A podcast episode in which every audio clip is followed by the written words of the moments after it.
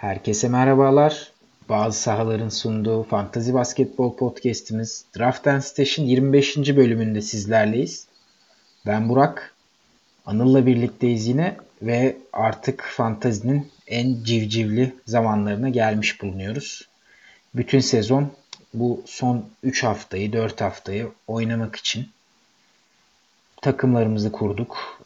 Waiver haklarımızı harcadık. Free Agent'tan oyuncular ekledik. Takaslar yaptık. Şimdi dananın kop, kuyruğunun koptuğu yere geldik. Anıl ne düşünüyorsun abi? Bu tip e, zor anlarda birazcık sen heyecan yaptığını biliyoruz ama düşüncelerin. Onlar eskidendi ya. en azından buraya kadar gelirken ki düşüncelerin sana burada söz hakkı vermemize sebep oluyor. bu, bu yıl şeyi de kanıtlayacağım. Ee, Winner attitude mu? Aynen. Onu da kanıtlayacağım bu yıl. Ee, öncelikle elenen varsa, elenen arkadaşlara ya da ve hala bu podcast'i dinliyorlarsa onları bir tebrik etmek isterim. Bu size bu yıl kaybetmiş olsanız da gelecekte kazandıracak bir davranış. Ee, öncelikle onları selamlıyorum. Sonrasında da istersen bugün bir ne konuşacağımızı açıklayalım dinleyicilerimize. Şey gibi girdin ya. Halkı kucaklayan başbakan gibi. Toplumun Aynen, herkesin elenen... benim kardeşimdir der gibi. Elenenler, devam edenler, bu haftayı bayi geçenler, herkes, herkes bizim şeyimiz, dinleyicilerimiz arasında hiç ayrım yapmıyoruz. Abi iyi dedim bu arada. Ee, ne konuşacağımızdan bahsedelim. Geçen hafta söylediğimiz gibi e, specialistler yani bir noktanın bir statın birkaç statın uzmanlarından bahsedeceğiz ama bu uzmanlar şey değil. Rebound specialist'i Andre Drummond'dır gibi değildi. Yani sonuçta bu adam NBA rebound kralı. James Harden sayı specialist. hani fazla specialist gözüyle e, listedeki en yukarıdaki oyuncuları değildi. E, playoff'ta free agent'a düşebilecek, waiver'a düşebilecek oyuncuları veya hali hazırda orada bulunan oyuncuları önereceğiz. Ve playoff'ta nasıl stratejiler kovalanması gerektiğinden bahsedeceğiz. Birçok ligin playoff'u başladı. Birçok liginde playoff'u başlayacak. Biraz geç kayıt yapıyoruz kusura bakmayın. Ama e, umarım yararlı, faydalı şeyler olur. Bu turda olmasa da öbür turda olur diye düşünüyoruz. Aynen abi. O zaman üçlükle başlayalım. Curry. Ama ama bir dakika, bir dakika, bir dakika. Hangi Curry? Hangi Curry olduğunu söylemedim. yok yok sayıyla başlayalım. Ee, abi şöyle bir durum var ee, bu specialist olayında. Benim bahsetmek istediğim. Ee, birincisi mesela takımınızın 12. oyuncusu diyelim. Atıyorum yani diyelim. Ee, Eric Gordon olabilir. Tamam mı? Kendi örneği, kendi case'imden örnek veriyorum. Kendi takımımdan örnek veriyorum. Eric Gordon olabilir.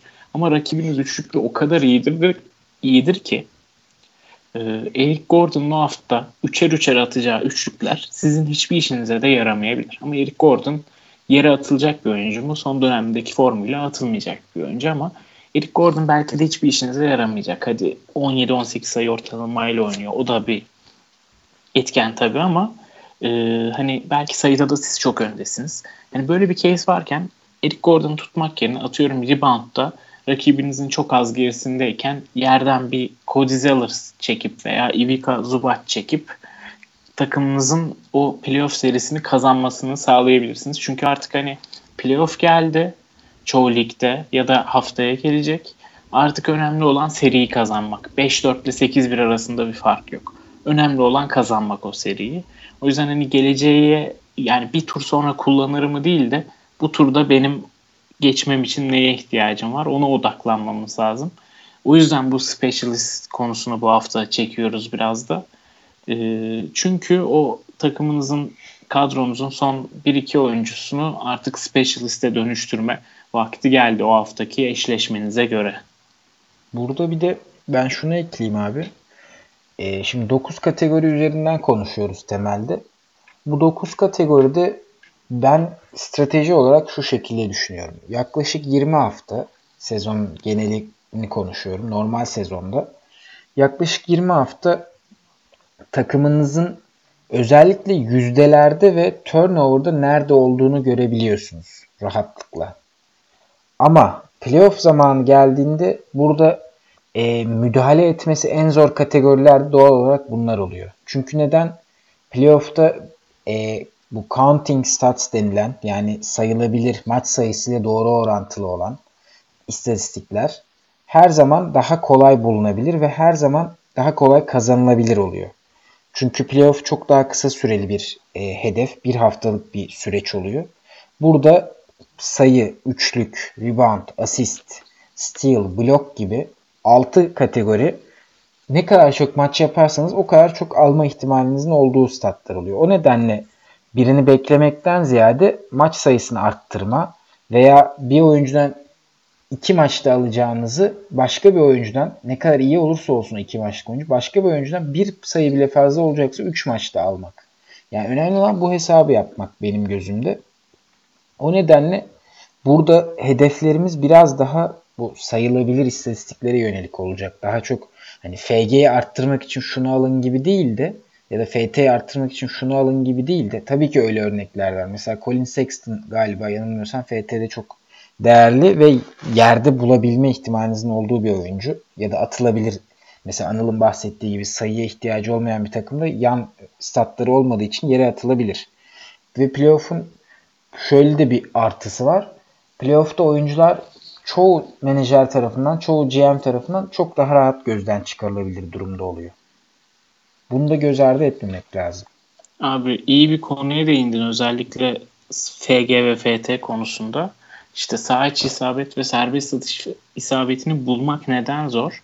Çünkü yerde olan oyuncular şu an hani takas dönemi falan bittiğine göre yerde olan oyunculardan hani çok iyi FT atan %90'la atsın ama maç başı 2 tane deniyor zaten. 3 tane deniyor. Öyle maç başı 5-6 tane deneyenini bulamıyorsunuz. Ya da iyi FG ile oynayan oyuncular mesela Kenneth Farid maç başı maksimum 10 şut kullanıyorlar. Hani bunlar artık FG ile FT'nize inanılmaz değişiklik yapamıyorsunuz bu noktalarda. Yine önerilerimiz olacak tabii ki. Ama genellikle biraz önce bu saydığım 6 turnover'da eklersek 7 kategoriye yönelik olacak öneriler. Abi o zaman senin stratejilerde dair ekleyeceğin bir şey yoksa istersen oyuncular üzerinden gidip orada araları serpiştirelim stratejileri de. Ne dersin? Ya oyuncular üzerinden mi gidelim, kategoriler yani üzerinden kategori mi gidelim? ve önce hani kategori, kategorilerin içerisinde tabii ki oyuncular. Hı, aynen tamam. O zaman kategorilerle başlayabiliriz. Bir de benim biraz önce ikinci bir şey var demiştim hani bu specialistlerle ilgili şeydi.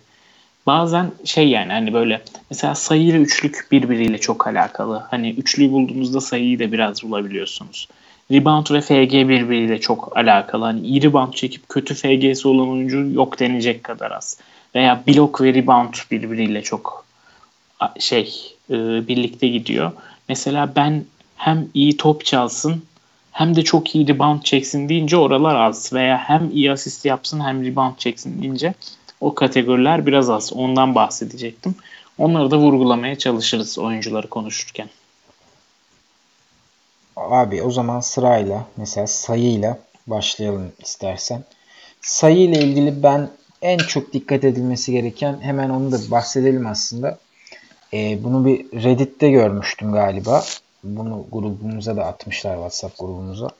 Yani NBA fantaziyi özellikle normal sezonun son haftasına kadar oynayan insanlar hani artık gerçekten kendilerini eziyet eden ve şampiyonlukların da 3. sınıf kartlar tarafından belirli olduğu liglerde oynayan kişiler olarak nitelendirilmişti.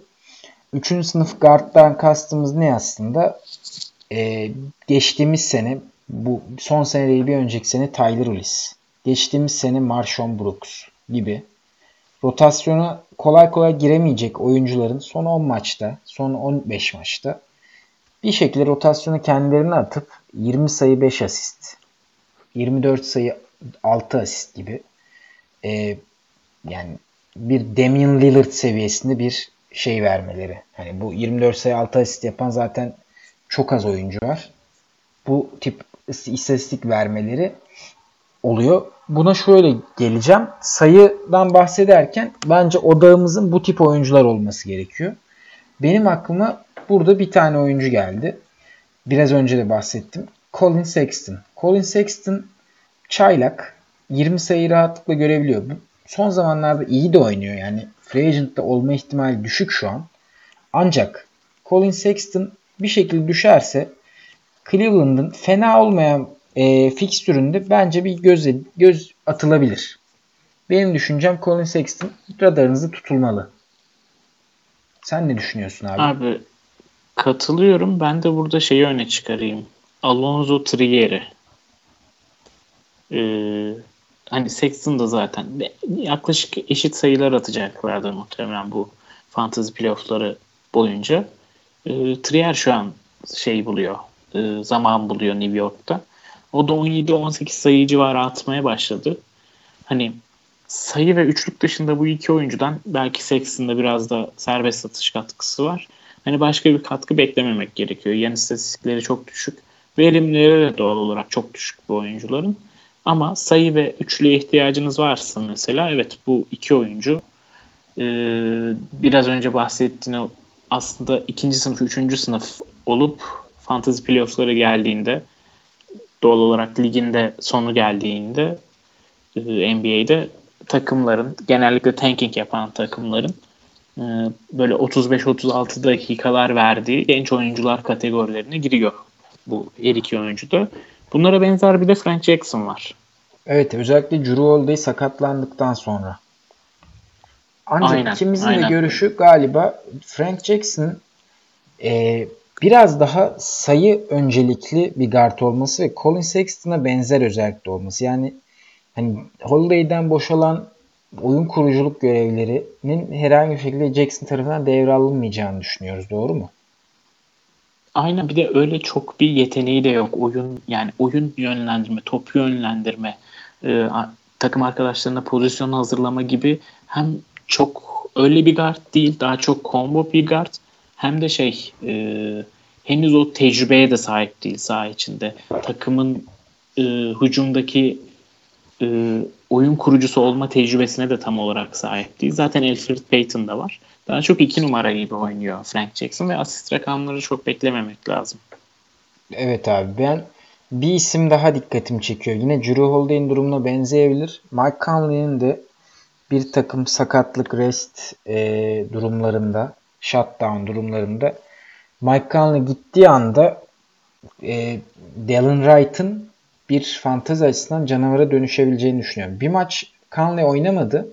Wright 25 sayı attı.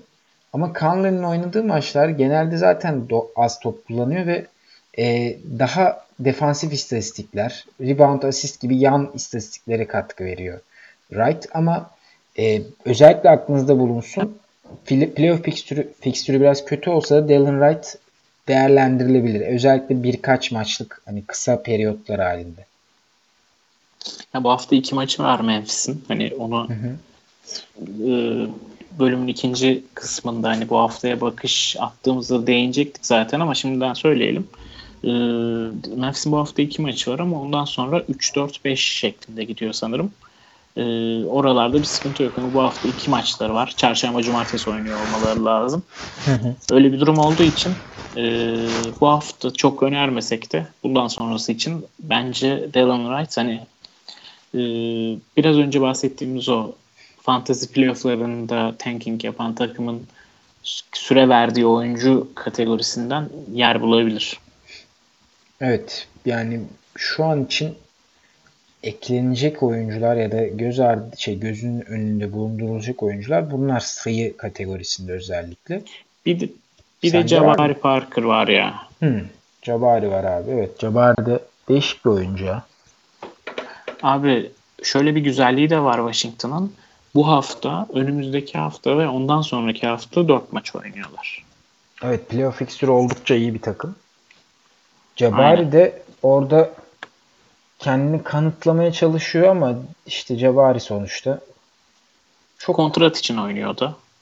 Kont e, aynen Son öyle. iki haftada son iki haftada 15.5 sayı, 7.8 rebound, 3 asist gibi %60 saha içi isabeti var ama bu sürdürülebilir değil. 3.2 ee, top kaybı ve %66 serbest satış isabeti hani Cabari'yi geride tutan faktörler. Saha içi isabetinde bu kadar yüksek sürdürebileceğinden emin değilim.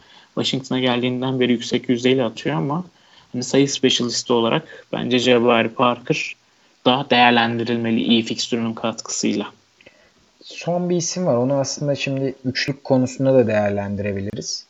Ee, Luke Kennard da iyi bir performans ortaya koyuyor ve büyük ihtimalle birçok takım denemiş almıştır kenarda. Çünkü bir süredir iyi oynuyor Kenard. E, Kenard da sayı için özellikle değerlendirilebilir. Ve bunun da en önemli sebebi şimdi konuşacağımız 3 sayı katkısından dolayı geliyor. Yaklaşık 3 üçlük atıyor son bir ayda Kenard. E, Birçok oyuncu arasında bu onu 14. sıraya koyuyor. Yani lig genelinde 14. sırada. Kenard için gayet iyi bir istatistik diye düşünüyorum. Abi Kenard uzun süredir iyi oynadığı için evet ben de muhtemelen alınmıştır diye düşünüyorum. Buradan diğer üçlük specialistlerine bağlayabiliriz konuyu. Evet abi galiba senin de listende Landry Shamet var. Evet yani specialist'in kelime anlamı Landry Shamet. Üçlüğünü atıyor başka bir şey karışmıyor. Nadiren ee, steal böyle çarparsa. De, evet. Evet aynen öyle. Sadece yüzdesinde çok çok kötü etkilemiyor. Yani 40 43 ile atıyor ama şut sayısı az olduğu için e, göz ardı edilebilir aldığınız üçlük katkısıyla birlikte. Bu hafta da 4 maçı var Şamet'in. O yüzden üçlük lazımsa kullanılacak e, en önemli oyunculardan biri Şamet. Üçlük konusunda zaten ligde genel bir yoğunluk mevcut. Bu yoğunluğu da zaten hani üçlük ve şutör dediğimizde aklımıza ilk gelen isimler. Wesley Matthews, Wayne Ellington gibi isimler başı çekiyor burada. Aynı zamanda e, Denver'ın kalabalık rotasyona dikkat çekebilecek Malik Bizli de bence eklenebilir. Çünkü maç başı hep bahsettiğimiz herkesin attığı 2.5 üçlü atan ekip bunlar. Son bir ayda özellikle. Yani son bir ayı kıyaslamak için bakıyorum. Arada son iki haftaya da bakıyorum ben. Biraz daha e, yakın zamanlı olsun diye. Aynı zamanda bir de Jay Crowder var ama Jay Crowder'ı ben sana bırakıyorum abi. Senin hoşlanmayacağın tipte bir oyuncu. Verimi düşük. Ama playoff'ta abi, bu göz ardı edilmeli diye düşünüyoruz değil mi? Ya evet de şey biraz hani arada 0-5 üçlük fark varsa atıyorum FG'si yüksek olan adam daha az üçlük atıyor. FG'si düşük olan adam daha çok üçlük atıyor. Ben öyle durumlarda hani tabii eşleşmeye çok bağlı artık playoff geldiği için ama FG'si yüksek olanı tercih ediyorum. Hani az üçlük atmasına rağmen. Yani zaten 2.5'a 2 üçlük haftada 4 maçtan 2 üçlük fark ediyor overall'da. Ee, o overall'u bir streaming spotuyla bile kapatabiliyorsunuz ama o FG'yi belki kapatamayabilirsiniz. Çünkü Jay Crowder'ın FG'si gerçekten kötü ama şunu unutmayalım. Yani ben FG'ye yönelik bir hamle yapmak gerektiğini düşünmüyorum. Yüzdelere yönelik bir hamle yapılmamalı. Şöyle FT'yi tabii ki olumsuz, bayağı baltalayacak bir oyuncuyu almaktan çekinin. Mutlaka bunu göz ardı etmeyin. Ama özellikle FG ve hani düşük FT, az FT kullanan oyuncular için ne alıyorsanız kardır gözüyle bakın diye düşünüyorum. Abi Hmm, Diğer dikkat çeken isimler var. daha var. Hı hı. Evet. Genelde Detroit'ten var Evet ben de Galloway'i söyleyecektim. Ellington hani Ellington. son maç çok kötü oynadığı için yeri düşmüş olabilir ama o da Detroit'e geldiğinden beri 3 üç üçlük şeyine katıldı yani 3 üç civarı üçlük atıyor. Bence zaten bu noktada üçlük specialist'i değerli. Yani iki buçuk üçlük atıyor diyoruz ya biz herkes. Hı hı. Bu biraz tamam abartı ama üçlük specialist'i dediğimiz adamın artık o üç üçlüğü atması gerekiyor bence. Evet o üçlük specialist'in o alanda hani ben buradayım demesi gerekiyor. Ben de katılıyorum sana abi. Yani fark yaratması için Landry Shamet gibi olması lazım diyorsun. Aynen. Kenneth gibi olması gibi. lazım. Evet ama iki buçuk atanlara da bir göz atarsak hani e, bir Wes Matthews var Indiana'ya gittiğinden beri. Kyle Korver'ı sayabiliriz aslında. 3'e yakın. Evet. 2.5-3 arası dalgalanıyor. Evet o da son dönemde formda. Utah'a geldiğinden beri 2-3'lük civarı atıyordu. Son haftalarda 3'e yakın atıyor. Onu da sayabiliriz tabii ki. Ee, başka da aklıma gelen net bir üçlük specialist yok.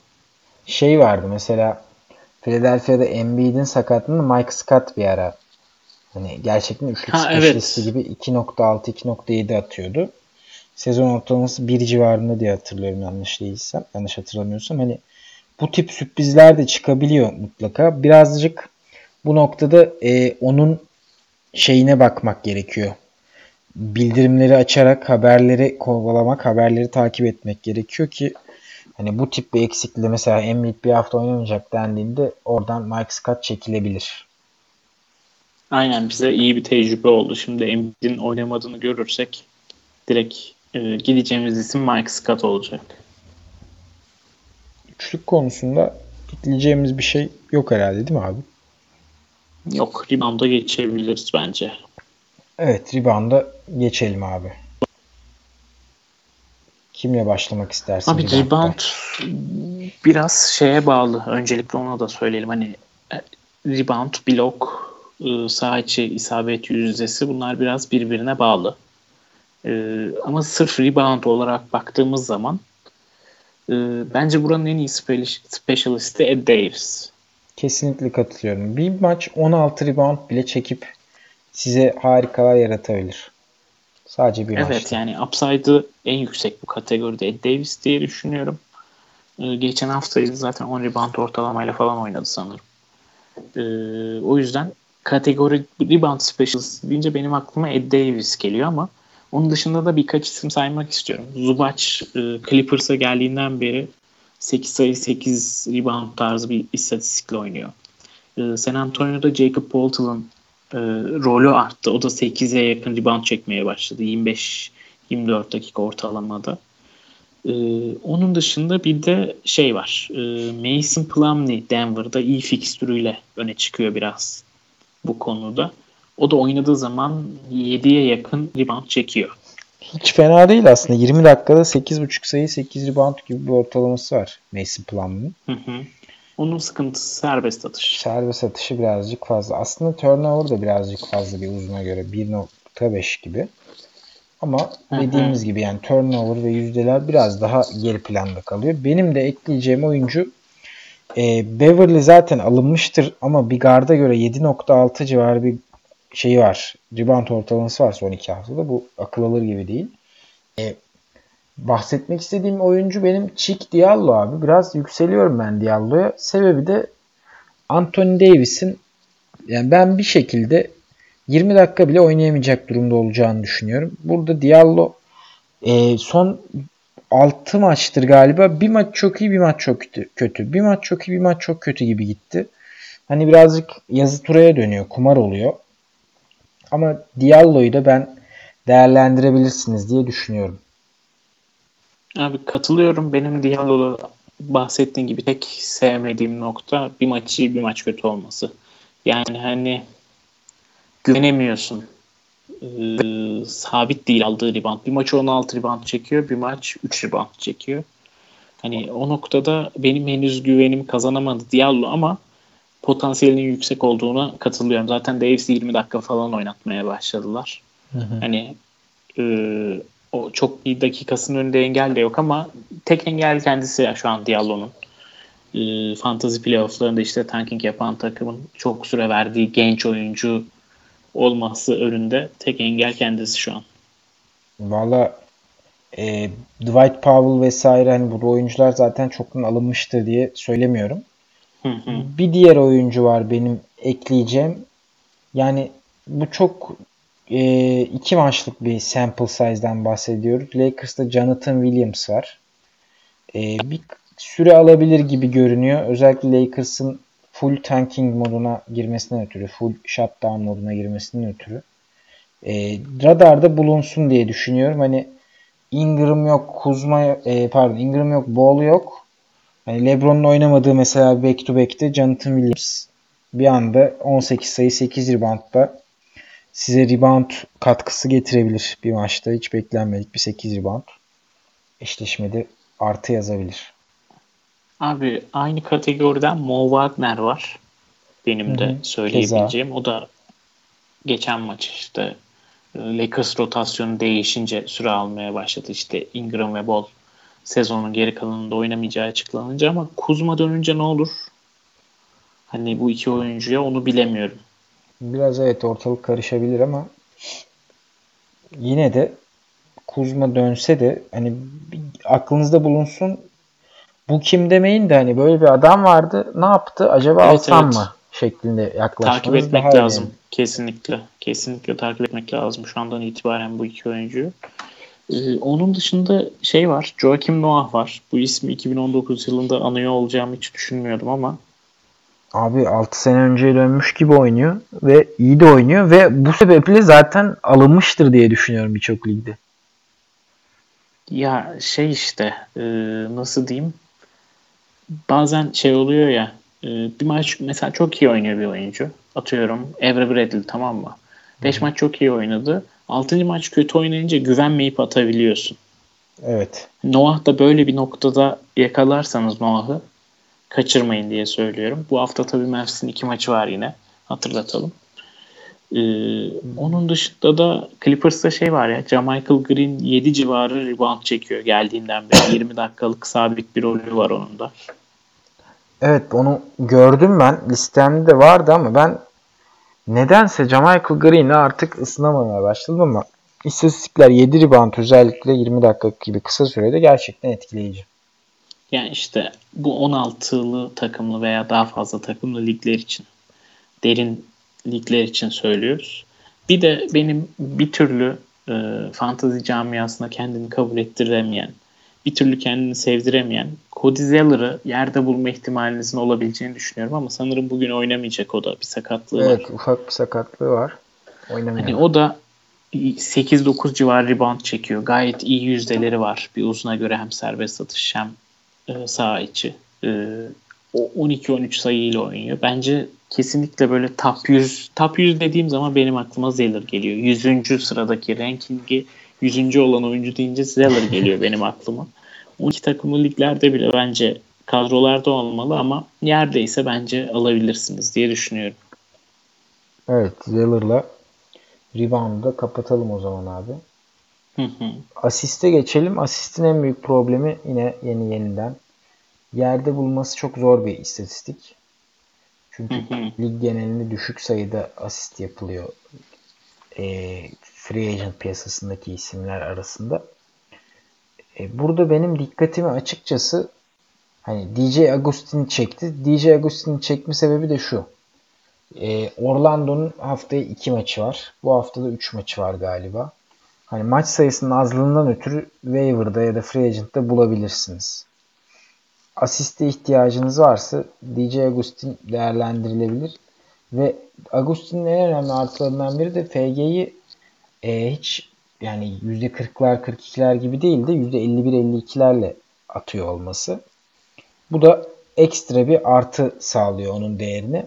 Senin asistçe kimi görüyorsun abi? Kimi değerli görüyorsun? Sen ne düşünüyorsun asist hakkında? Abi biraz şey olabilir asistte böyle son zamanlarda e, insanların radarından kaçmış birkaç oyuncu olabilir. Bunların başında Ish Smith geliyor bence. E, hemen Ish Smith'in size son e, yaklaşık bir aylık istatistiklerini vereyim. E, tabii ki önemli olan Ish Smith için bizde asist ve 5.2 asist yapıyor son bir ayda. Bunu yaparken de ne size turnover'da ne serbest atış isabetinde ne de sağ içi zarar veriyor. Hatta %49 sağ içi isabeti var. Ama üçlük beklemeyeceksiniz tabii ki iş Smith'ten. Top çalmasını beklemeyeceksiniz. Blok beklemeyeceksiniz. Çok sayı atmasını beklemeyeceksiniz. Sadece 5.2 asist için alınabilir diye düşünüyorum iş Smith.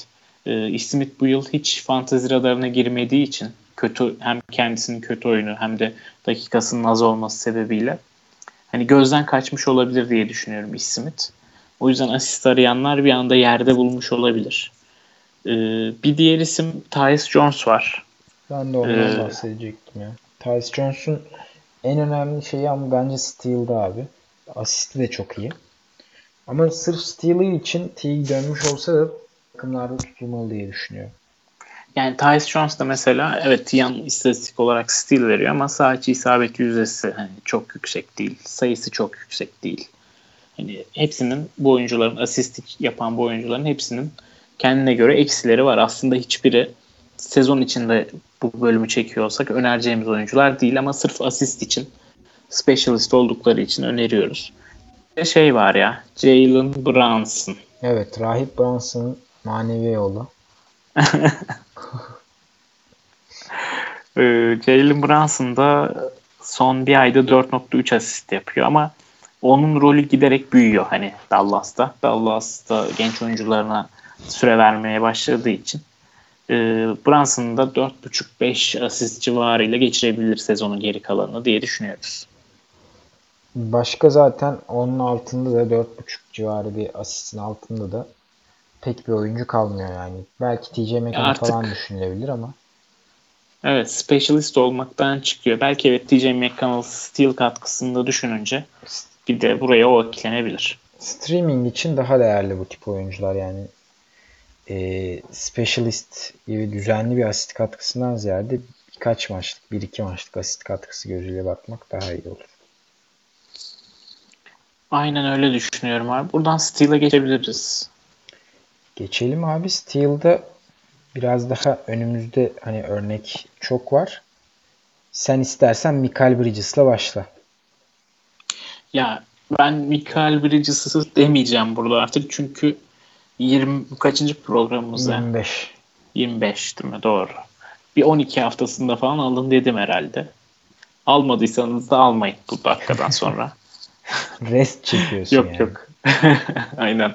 2.3 yani Mikael Bridges 2-3 stili çok düzenli yapıyor bir de. Hani böyle bir maç 7 stil yaptı, diğer iki maç 0 stil yaptı gibi de değil. Yani düzenli bir şekilde 2-3 stili getiriyor Mikael Bridges. O yüzden stil arıyorsanız gideceğiniz ilk isim şu an Mikael Bridges. Yerde olma ihtimali de var. Ee, isminin çok büyük olmaması sebebiyle. Ee, onun dışında ikimizin de tuttuğu bir oyuncu var abi. Kendrick Williams. Kendrick Williams evet abi ben e, tek probleminin fikstürü olduğunu düşünüyorum. Onun dışında Drew Holiday'in de sakatlanmasıyla Williams'ın birkaç dakika daha yani 30 dakikaya yakın süre alıyordu zaten. Bir 3-5 dakika daha oynayıp 33-35 dakikada e, gerçekten hani her alana artı şekilde katkı vermesini bekliyorum.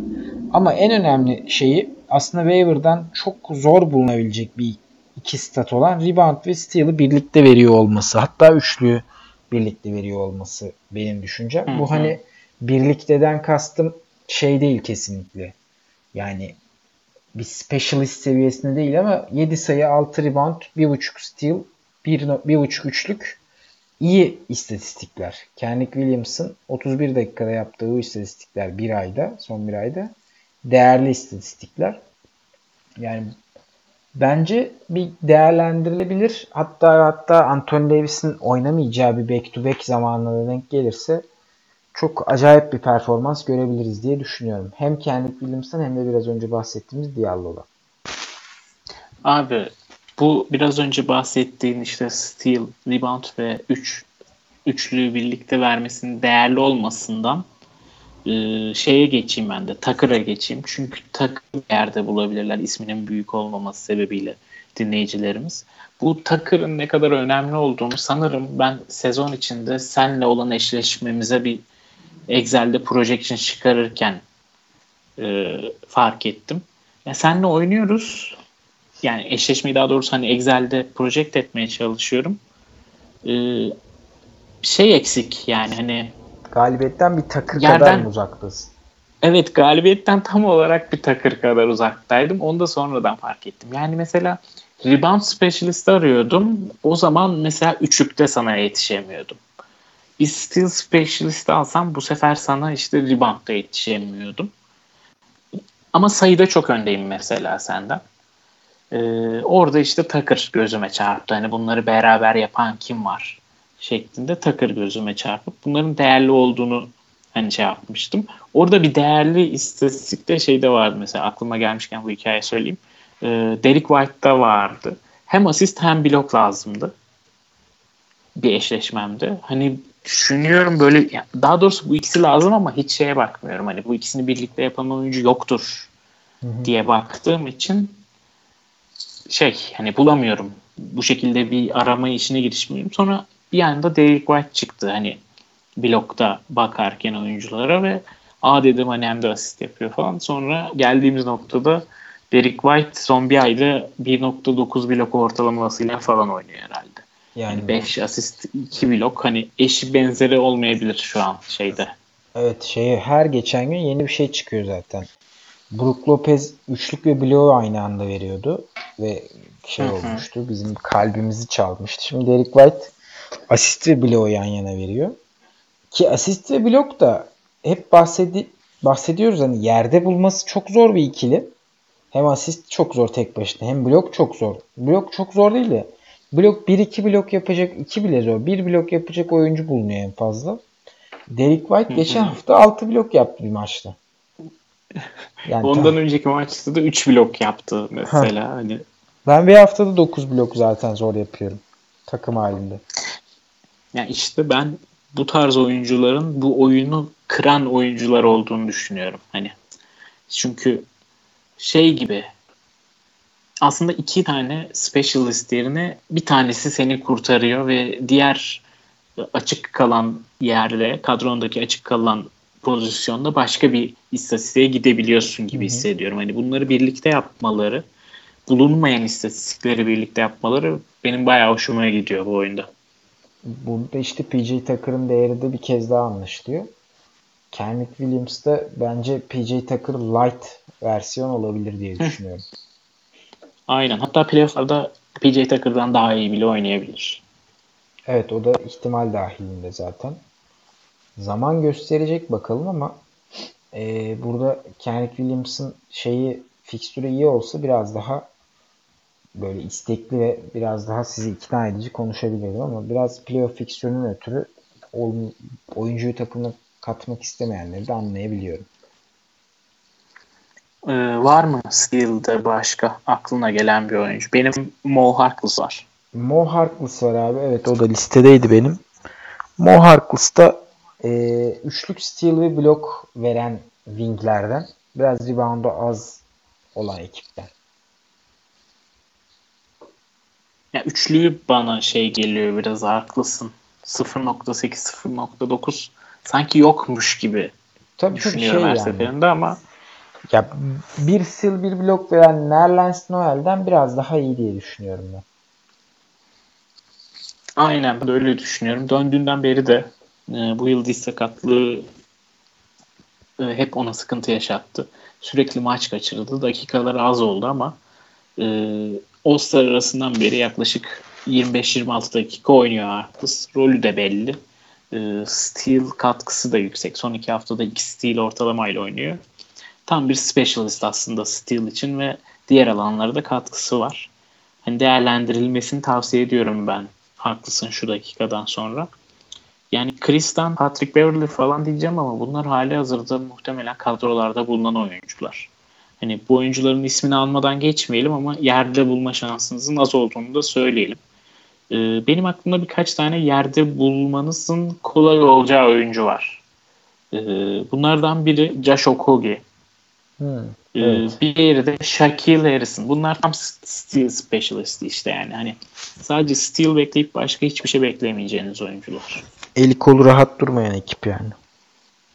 Aynen. Ama hani bunlar artık steel yani başka hiçbir şey ihtiyacınız yok. Sadece rakibiniz steel'de geçmeniz gerekiyorsa başvuracağınız oyuncular. Hani Josh Okogie'nin dakikaları biraz daha e, güvenilir durumda şu an. Çünkü ben Covington'ın artık döneceğini çok fazla zannetmiyorum. Bana da öyle geliyor. O yüzden Okogie'nin önünün bir hayli açıldığını düşünüyorum ki son zamanlarda bir de Wiggins'in sakatlığı onun birkaç dakika daha fazla sebep almasına sebep oldu.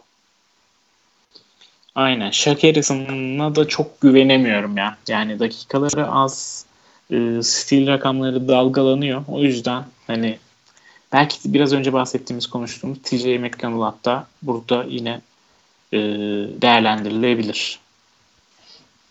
Evet sırada blok specialistlerimiz var. burada Mitchell Robinson'ın sezonun başından beri zaten söylüyoruz. Artık bir Hani- kez daha söyleyelim de hani yerde kalan bırakan varsa o ligde seneye oynamayın birincisi. İkincisi hemen alın.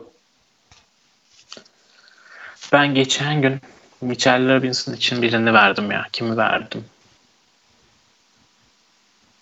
Hmm. Abi. Yani top 50 oynayan birini verdim ya. Top 40, top, top 50 oynayan birini verdim Mitchell için. Hani Yani bayağı bir verdim diyorsun. bayağı iyi bir oyuncu verdim. Çünkü blok kategori, kategorisini tek başına alma şeyine sahip. Hani o specialist şeyini de geçti. Noktasını da geçti. Dün de 5 blok yapmış zaten. Takılıyor ya Ee, beşer beşer.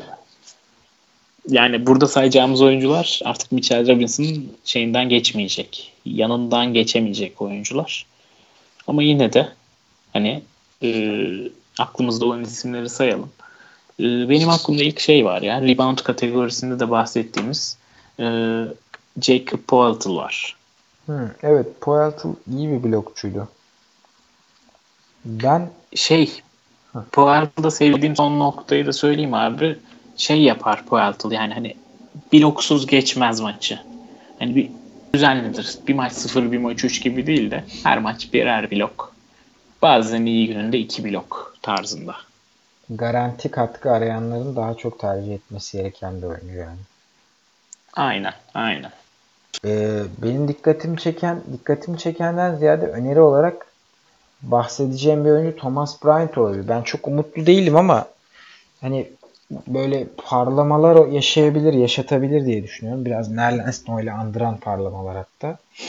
Radarınızda tutabilirsiniz Thomas Bryant'ı ve Dwayne Dedman bir diğer isimde. Dedman'ın da büyük ihtimalle Dedman zaten şeydedir. Alınmıştır. Yani yerde waiver'da bulunmaz. Bulacağınızı sanmıyorum ama bulursanız da bir buçuk steal, bir buçuk blok, bir buçuk üçlük ortalamaları var neredeyse. Bu Covington'la yakın rakamlar. O nedenle radarda bulunsun. Waiver'da görürseniz Abi. girebilirsiniz. Deadman'ı yerde veya waiver'da görürseniz e, şey var. Takımı sil butonu var. Ligden çıkın. Oynamaya çok değen bir lig olacağını zannetmiyorum. E, işin şakası bir yana bu sevdiğimiz Brook Lopez'imizin küçük küçük bir versiyonu var Dallas'ta. Maxi Kleber. Ha evet. iyi de oynuyordu. Son birkaç maçtır geri döndü iyi oyuncu klasmanına. Aynen. Ee, son iki haftada 1.6 blok, 1.2 üçlüğü var. 7 sayı, 5 rebound katkısını da veriyor. FG'de de iyi, FT'de de iyi. Top kaybı da yapmıyor. Tam bir minik Brook Lopez yani. Çok minik ama olsun. Minik. Ama blok katkısı veren oyunculardan. Dakikaları ve rolü de çok tehlikeli değil. O yüzden aslında benim Poeltl'dan da önce en sevdiğim blok specialisti burada. Kleber. Ee, onun dışında sen biraz önce Noel'den bahsetmiştin değil mi? Hı hı. Bu Mitchell Robinson konusunda bahsetmiştin. Ee, Noel ve Richard Holmes var. Çok benzer katkılar veriyorlar onlar blok konularında. Onun dışında da Kenneth Farid hakkında ne düşünüyorsun? Ya dün oynaması bekleniyordu, oynamadı. Sağlıklıydı ama oynamadı. Abi ben Farid'in e, fantezi açısından bir sakatlık olmadığı sürece bu sezonun sonunda bir katkı vermesini beklemiyorum. O yüzden bence beklemeye değmez. Almaya da değmez. Hmm. Ya aslında şöyle 20 dakikada güzel bir FG ve blok specialist olurdu. Evet ama sanki orayı Capella ve Nene ile geçmeye çalışıyorlar. Veya mesela Nene bugün yok mesela. Herhalde orada bir 17-18 dakika oynar Farid. Evet. Evet. Aslında güzel bir bilgi. Hani Nene ile mi geçecekler, Farid'le mi ya da ikisinden biri mi oynayacak sadece? Çünkü şöyle dün oynamadı Farid ama bugün oynarsa ve iyi de oynarsa çok fazla ekleyen olacaktır ama bir maç sonra yere de atılabilir Farid. Hani playoff'tayız. Bunun bir ed hakkının, iki, iki ed hakkının değeri çok fazla bence. Ee, Farid'in çok ben de güvenilir bir ekleme olmayacağını düşünüyorum. Yani bence atılacak bir kumar zarı olabilir. Onun dışında rahatsanız, bol bol ed hakkınız varsa. Onun dışında değmez diyorum. Abi specialistlerimizin aslında biraz sonuna geldik. Çünkü kalan kategorilerimiz e, serbest atış, sağ açı yüzdesi ve top kaybı. Yani burada hani, bence top kaybı specialisti sıfır top kaybeden Porzingis. Aynen. Buradan köktene saygılarımızı gönderelim. Bence yani burada yüzdeler hiç girmeden, turnover'a da girmeden specialistleri burada bitirebiliriz diye düşünüyorum ekleyeceğim biri yoksa. Abi benim serbest satışta ilgimi birazcık şey çekti. Dallin Wright çekti. Birazcık da Jeff Green çekti. Hani bunlar maç başı 2-2,5 serbest atışı kullanıp %90 civarıyla sokan oyuncular. Ee, FG'de de bahsetmediğimiz iki kılıf oyuncudan bahsedelim istedim. Biri Nance, diğeri de Ante Zizic. Çünkü e, Tristan Thompson'ın da dönmeyeceğini düşünüyorum ben bu yıl. Hani onun sakatlığı da böyle riske atmayacakları türden bir sakatlıkmış gibi geliyor. E, Nance ve Zizic işte 8-10 sayı atıp bu sayıları da %60 FG ile atacakları için FG ve rebound lazımsa hani bu oyuncular değerlendirilebilir. Nance birazcık da stil yaptığı için birazcık daha artıyla geliyor burada. Doğru. Yani iyi dedin abi. Mesela burada da şey kovalanabilir. Yarın Kevin Love oynamayacak mesela. Kevin Love'ın oynamadığı yerde hemen Zizic, e, Lerinens yerde bulunabiliyorsa waiver'da ya da free agent'ta hemen atlanılması gereken oyuncular olabiliyor. Ama ha, muhtemelen bulunacak ikisi de. Ha, bulunacak. Benim de çekincem şu. Ee, hani beklenen etkiyi yapamazsa veya oynamazsa bu oyuncular Love döndüğünde tutulur mu? Tutulmaya devam eder mi? Ben orada biraz ikilemdeyim. O yüzden çok öneremiyorum. Şöyle diyebiliriz. Hani FG ihtiyacınız varsa ya da rebound'a ihtiyacınız varsa hani Love'da oynamayacak. Bu oyuncular bir maçlığını hani birazcık boostlanır. Birazcık daha iyi istatistikler verirler. Onun dışında ama FG'ye ihtiyacınız varsa alın. Sırf evet. Love yok diye al, almayın. Yani bu tip back to back'leri zaman... kovalamak gerekiyor düşünüyorum ben. Her takım aynen, bir şekilde aynen. back to back'lerde birilerini dinlendiriyor. Dinlendirecek de. Ona göre eklemeler yapmak en iyisi olur. Özellikle hafta sonu bunları kovalamak daha da mantıklı. Çünkü artık eşleşmenin sonuna gelmiş oluyoruz. Belki reboundda geride olmanızı beklerken kafa kafayasınız. Belki sayıda belki üçlükte. Hafta sonu gelecek bir rest haberi üstüne alınacak bir oyuncu size seriyi kazandırabilecek durumda olabilir. Mesela atıyorum hafta sonu yine Kevin Love rest olursa e, Larry Nance gidilebilir sırf e, son gün size reboundu kazanma ihtimali olursa diye gibi bir durum. İyi özetledin abi durumu. Bu Cleveland tayfayı. E, playoff'un ilk haftasının programına bakalım istersen. Ya da başka Aynen. Stratejileri hani konuştuk az çok ama ekleyeceğim bir şey var mıydı bu arada? Abi burada ben bu ismi sona bıraktım. Hı-hı. Çünkü kendisiyle kişisel bir geçmişimiz de var. Ee, bu isme Draft and Stash podcastlerinde hakaret de edildi. Gitsin Euroleague'de oynasın denildi. Ben tarafından. Rodions Kurucs mu? Aynen. Çok iyi oynuyor abi son 3-4 maçtır. Koç da onu seviyor. Ee, ilk 5'in 4 numaralı pozisyonuna da yerleşti. Ee, rebound ve üçlüyü birlikte yapan yanına da blok ekleyen bir oyuncu şu an. Rodion Crooks. Ee, ki, bu specialistlerde saymadım. Hani söylemedim çünkü sebebi şey. Bence kesinlikle eklenmeli. Brooklyn'in playoff fikstürüne rağmen ki bu hafta aslında 4 maç oynuyorlar. Haftaya 2 maçları var. Eklenmeli diye düşünüyorum Crooks'u. Hani must add dedikleri. Hmm, sen daha overall performansıyla eklenebilir diyorsun. Doğru da diyorsun aslında ama ben çok takip etmemiştim Crooks'u. Ee, unutmuştum hatta öyle söyleyeyim. İyi bir zamanlamada zamanlamayla söyledin abi. Crooks'u eklemekten şimdi şeye geçebiliriz. Fikstüre. Bu haftanın fikstürüne. Şimdi bu hafta Golden State ve Memphis'in çarşamba cumartesi ikişer maçı ve başka maçı yok. E, Memphis'te hı hı. mesela burada bir rest riski falan da yok. Çünkü arada ikişer gün boşluk var. Hatta hatta öbür gün çarşambaya kadar maç yapmıyor Memphis. Yani önümüzdeki 10 günde Memphis'in iki maçı var. E, bu nedenle de ben Devin Wright birçok isim tarafından bırakılacağını düşünüyorum. Mesela burada diğer haftanın ortasında alabilirsiniz Devin Wright'ı. Bu hafta bağlantılı olmasa da aklınızda bu tip şeyleri kombine etmek daha bulunsun, kombine etmek bulunsun ki daha rahat e, hamle yapabilin, daha esnek olabilin. Özellikle gereken zamanlarda gereken statları kovalarken. Aynen abi katılıyorum. Bu arada hani Kuruks gibi bence Wright da kadrolarda bulunulma, bulunması gereken bir oyuncu ama sırf bu fikstürü yüzünden hani kadronuzdaysa artık playoff geldiği için bırakın diyeceğim. Bu, bu hafta playoff'ta oynamıyorsanız tabii ki bırakmayın ama oynuyorsanız bu hafta iki maç alacağınız katkıyı Wright'tan 4-5 maç başka iki oyuncudan alabilirsiniz hani.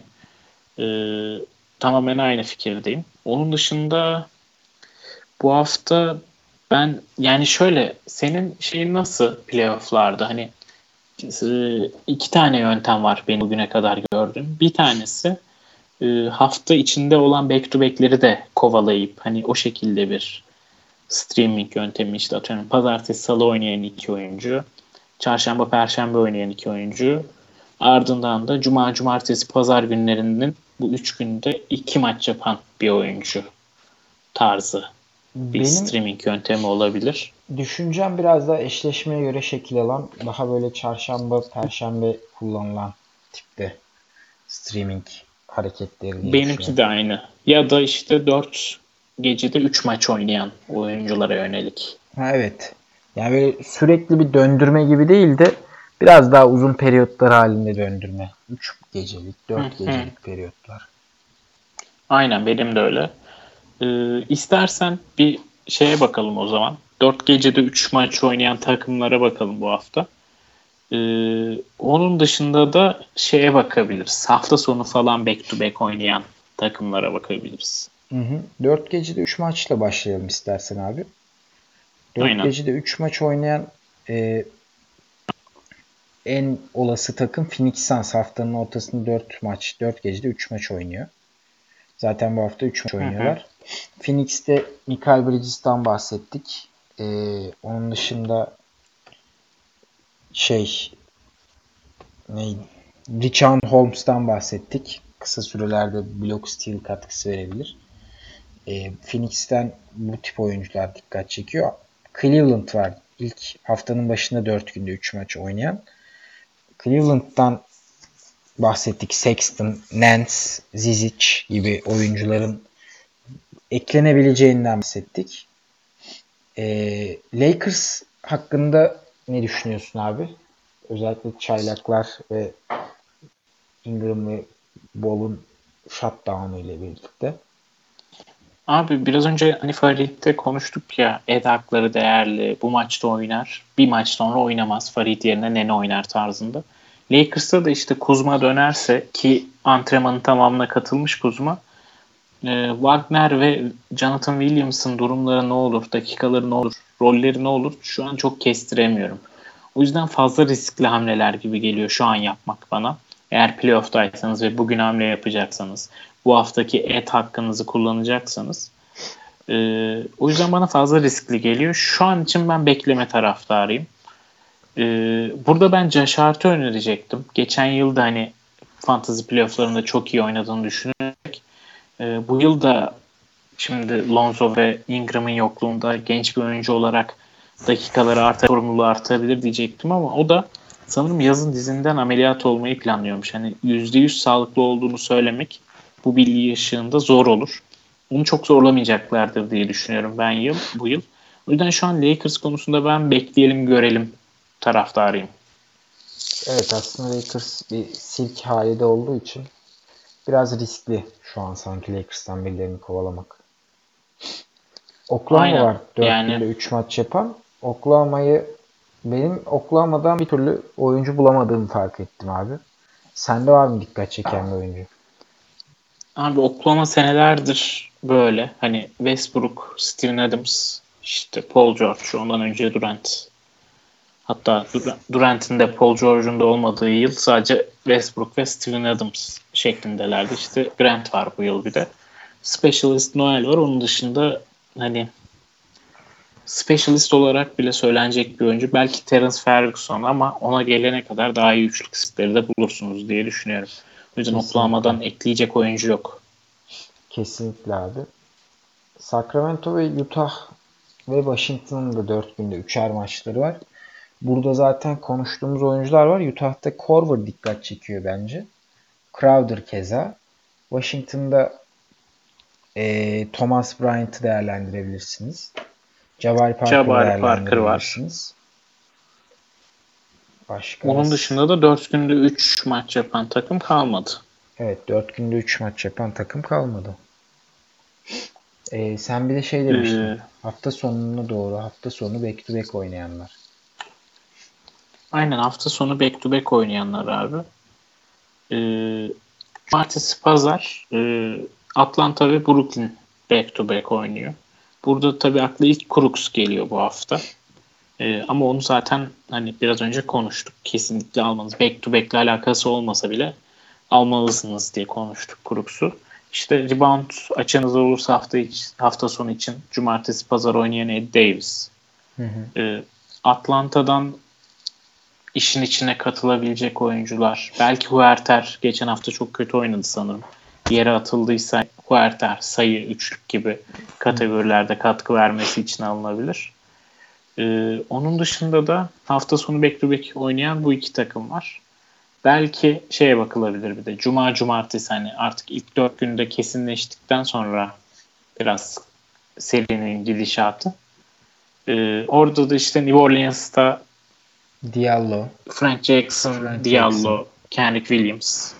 Hani bu oyuncular orada dikkat çekebilir. Orada yine bahsettiğimiz isimler var aslında Phoenix'ten ve Washington'dan. Şimdi onları tekrarlamaya gerek yok. Bir de orada Portland var. Cuma cumartesi back to back oynayan. Orada belki Enes kötü oynamasına rağmen rebound'a katkısı olabilir. Biraz da Zahitçi isabeti.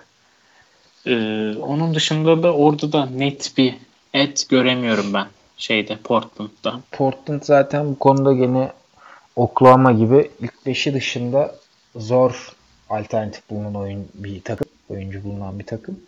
O nedenle ben de Portland'da birini pek ekleyemiyorum abi yıllardır. Ee, o zaman ha, evet e, abi. var mı aklına gelen başka bir konuşmamız gereken konu? Başka konuşmamız gereken bir konu playofflarda e, dediğimiz gibi maç sayısını arttırmak en önemli şey. Bunun aksini yapmamanızı öneririm. Öneririz diyorum. E, bir de özellikle son 3 haftanın fikstürüne biraz daha dikkat etmenizi öneriyorum ki hani sürprizle karşılaşmayın. En azından aynı gün 12 takımlı şey 12 kişilik bir takımda 12'sinin 12'sinde maçı olmasın. NBA bu konuda bayağı düzenleme yaptı. Pek kolay değil böyle şeylerin denk gelmesi ama yine de dikkat edip e, hani bazı kategorileri göz ardı edeceğim diye oyuncuların hepsini şey yapmayın yani aynı pozisyona sıkıştırmayın diyorum. Benim de e, bu strateji kullandığım stratejilere er, ek olarak söyleyebileceğim şey var. Ben genellikle e, oyuncu ekleme hakkımı son güne saklamayı seviyorum. Çünkü yani bu oyun haftalık hep bu klasik cümleyi söylüyoruz ama bu oyun haftalık ve ne olacağı belli olmuyor. Hiç beklemediğiniz kategoriler kafa kafaya gelebiliyor. Hı hı. Ee, o kategorilere ben son gün bir hamle hakkı bulundurmayı seviyorum ama senin son söylediğinle bağlantılı olarak son gün bir bakın hani hangi oyuncularınız oynamıyor. Şimdi tutup da çok iyi ya, o gün iyi oyuncularınızın maçı yoktur. Kötü oyuncularınızın maçı vardır. O zaman o hamle hakkının çok fazla bir anlamı da kalmıyor. Hı hı. Hani oynayacak oyun adamınıza atıp başka bir adam almak gibi bir duruma düşüyorsunuz. Onu da bir bakın. Ee, başka da ekleyebileceğim bir şey playofflar için yok gibi duruyor. Ee, bizim oynadığımız ana liglerin playoffları genellikle haftaya başlıyor. Çünkü biz son maç oynanana kadar devam eden Takip etmek playoffların aynı hastasıyız. O yüzden e, biraz da artık haftaya daha biz de şey olacağız diye düşünüyorum. Hani e, kendi liglerimizin playoff'u yaklaştıkça biz de o atmosfere girip hani playoff stratejileri hakkında hani kendimizde oynarken aklımıza gelenleri burada konuşmaya daha yatkın olacağız diye düşünüyorum. Şimdi hani şey zor buradan anlatmak biraz zor oluyor bu hafta. Kendi ligimin playoff'u yokken şunu yapardım bunu yapardım demek zor oluyor ama haftaya kendi eşleşmemi olmam ki muhtemelen Ben haftaya bir ki muhtemelen karşılaşacağız herhalde haftaya. Ee, bir, bir dakika nasıl olacak bu iş ya? Şimdi haftaya karşılaşacaksak ben sana burada sırlarımı mı dökeceğim? Sen bana kendi stratejilerini mi anlatacaksın? Abi işte o da bir e, strateji olacak. Haftaya e, manipülasyon özel bölümümüzle karşınızda olacağız. Bakalım kim kim gidecek haftaki bölümde. Canlı mı yapsak haftaki bölümü? Abi işte canlı yapsak ama bütün hafta sürmesi lazım. bütün hafta yayın açmamız lazım. Olmazsa Abi e, ufak bir şey yaparız. Show. İkimizin eşleşmelerinin eşleşmesinin preview bu. Tabii bir eşleşirsek playoff'a girersem bir aksilik olmadan yok yok girersin. 5 yıl sonra bir oynayalım abi. 5 yıl sonra evet en son ilk sene finalde oynamıştık. Hiç açma o konuyu hiç şey yapma. Ben hatırlamıyorum. 5 yıl dedim öylesine dedim yani. İnşallah bu da yine e, senin maziye gömeceğin bir eşleşme olur diyeceğim ama birazcık işim zor bu sefer. O zaman eee, O zaman başka var mı konuşacak bir şey? başka bir şey yok gibi abi. Kapatabilir. Yani bir saat olmuş bile. Hmm, uzamış 45 dakika falan düşünüyorduk. Evet. Yeterince uzatmışız bugün. Playoff öncesi. Umarım yardımcı olabilmişizdir. Bizi dinlediğiniz için teşekkür edelim. Aynen. Yani haftaya tamamen playoff odaklı olacağız. Öyle specialist falan da yok. Ee, dinlemeye devam etmenizi umuyoruz diyelim. Teşekkür ederiz. Hoşçakalın. Hoşçakalın.